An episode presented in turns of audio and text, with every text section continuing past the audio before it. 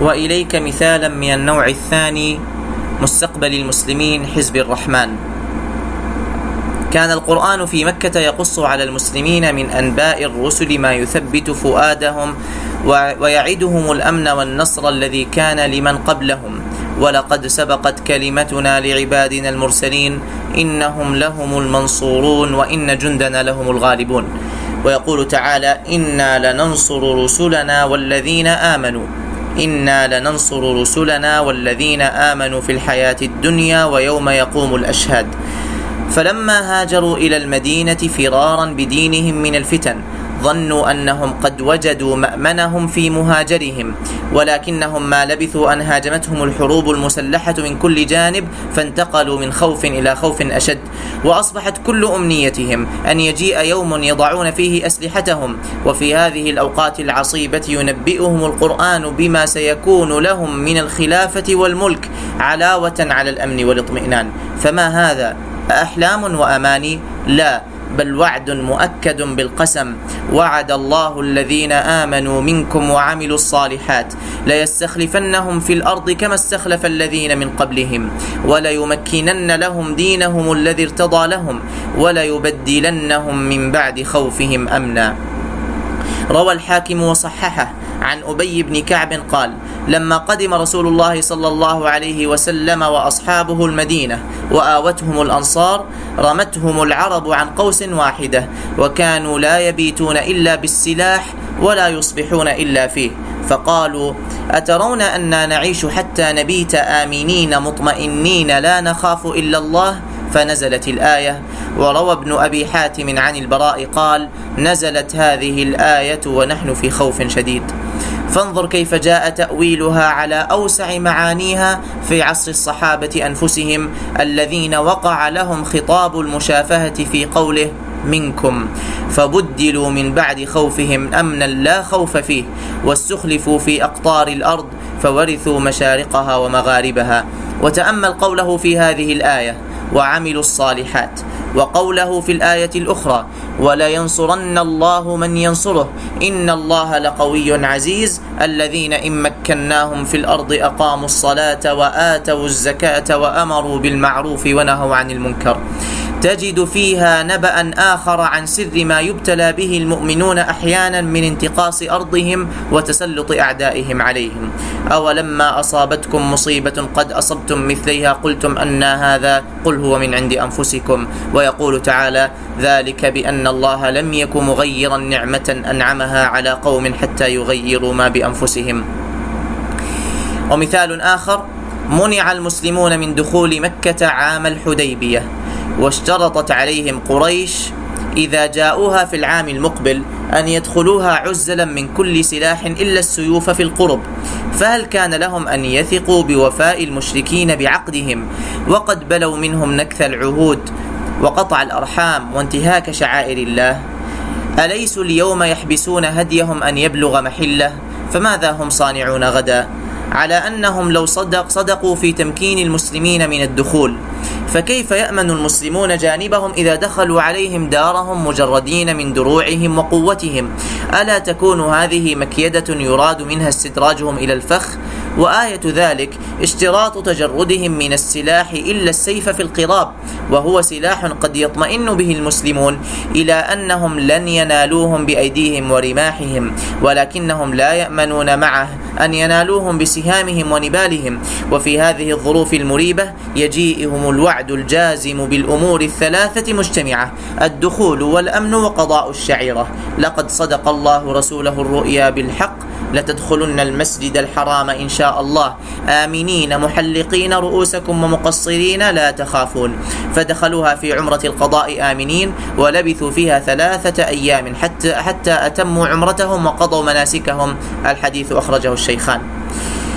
ومثال ثالث كان المشركون يجادلون المسلمين في مكة قبل الهجرة يقولون لهم إن الروم يشهدون أنهم أهل كتاب وقد غلبتهم المجوس وأنتم تزعمون أنكم ستغلبوننا بالكتاب الذي أنزل عليكم. فسنغلبكم كما غلبت فارس الروم. فنزلت الآية ألف لام ميم. غلبت الروم في أدنى الأرض وهم من بعد غلبهم سيغلبون في بضع سنين. لقد كان الإخبار بهذا النصر وبأنه كائن في وقت معين إخبارا بأمرين كل منهما خارج عن متناول الظنون. ذلك أن دولة الروم كانت قد بلغت من الضعف حدا يكفي من دلائله أنها غزيت في عقر دارها وهزمت في بلادها كما قال تعالى في أدنى الأرض فلم يكن أحد يظن أنها تقوم لها بعد ذلك قائمة فضلا عن أن يحدد الوقت الذي سيكون لها فيه النصر ولذلك كذب به المشركون وتراهنوا على تكذيبه على أن القرآن لم يكتف بهذين الوعدين بل عززهما بثالث حيث يقول ويومئذ يفرح المؤمنون بنصر الله إشارة إلى أن اليوم الذي يكون فيه النصر هناك للروم على الفرس سيقع فيه ها هنا نصر للمسلمين على المشركين.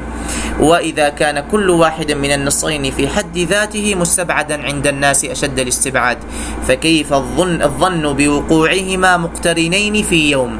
لذلك أكده أعظم التأكيد بقوله وعد الله لا يخلف الله وعده ولكن أكثر الناس لا يعلمون. ولقد صدق الله وعده فتمت للروم الغلبة على الفرس بإجماع المؤرخين في أقل من تسع, من تسع سنين.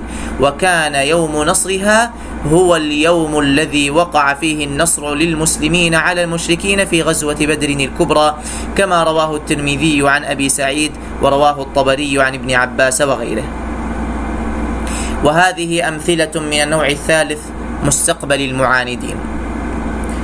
المثال الأول استعصى أهل أهل مكة على النبي صلى الله عليه وسلم فدعا عليهم بسنين كسني يوسف. فانظر ما قاله القرآن في جواب هذا الدعاء. فارتقب يوم تأتي السماء بدخان مبين يغشى الناس هذا عذاب أليم. فماذا جرى؟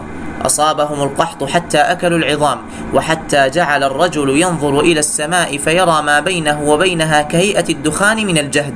رواه البخاري عن ابن مسعود. ثم انظر قوله بعد ذلك إنا كاشف العذاب قليلا إنكم عائدون. يوم نبطش البطشة الكبرى إنا منتقمون. ترى فيها ثلاث نبؤات أخرى. كشف البؤس عنهم ثم عودتهم إلى مكرهم السيء ثم الانتقام منهم بعد ذلك. وقد كان ذلك كله كما بينه الحديث الصحيح المذكور فإنهم لما جاءوا إلى رسول الله صلى الله عليه وسلم يستسقون وتضرعوا إلى الله ربنا اكشف عنا العذاب إنا مؤمنون سقاهم الله فأخصبوا ولكنهم سرعان ما عادوا إلى ما عادوا إلى عتوهم واستكبارهم فبطش الله بهم البطشة الكبرى يوم بدر حيث قتل من صناديدهم سبعون وأسر سبعون. وقد تكرر في القرآن المكي إنباؤهم بهذا الانتقام على صور شتى فتارة يأتي مجملا كما في قوله ولا يزال الذين كفروا تصيبهم بما صنعوا قارعة أو تحل قريبا من دارهم حتى يأتي وعد الله وقوله فتول عنهم حتى حين وأبصرهم فسوف يبصرون وتارة يعين نوع العذاب بأنه الهزيمة الحرب حربية كما في قوله سيهزم الجمع ويولون الدبر وهذا كما ترى من عجيب الأنباء في مكة حيث لا مجال لأصل فكرة الحرب والتقاء الجموع فضلا عن توقع فرارها وهزيمتها حتى إن عمر رضي الله عنه لما نزلت هذه الآية جعل يقول أي جمع هذا؟ قال فلما كان يوم يوم بدر رأيت رسول الله صلى الله عليه وسلم يقولها رواه ابن أبي حاتم وابن مردويه وعجزه في الصحيحين. وتارة ينص على حوادث جزئية محددة منه وهذا أعجب وأغرب كما في قوله في شأن الرجل الزنيم الذي كان يقول في القرآن إنه أساطير الأولين سنسمه على الخرطوم. فأصيب بالسيف في أنفه يوم بدر وكان ذلك علامة له يعير بها ما عاش رواه الطبري وغيره عن ابن عباس. ونظير هذه الأنباء في كفار قريش ما ورد في كفار اليهود. انظر كيف يقول فيهم لن يضروكم إلا أذى وإن يقاتلوكم يولوكم الأدبار ثم لا ينصرون. وقد فعل ثم يقول ضربت عليهم الذلة أينما ثقفوا إلا بحبل من الله وحبل من الناس. ويقول وإذ تأذن ربك ليبعثن عليهم إلى يوم القيامة من يسومهم سوء العذاب.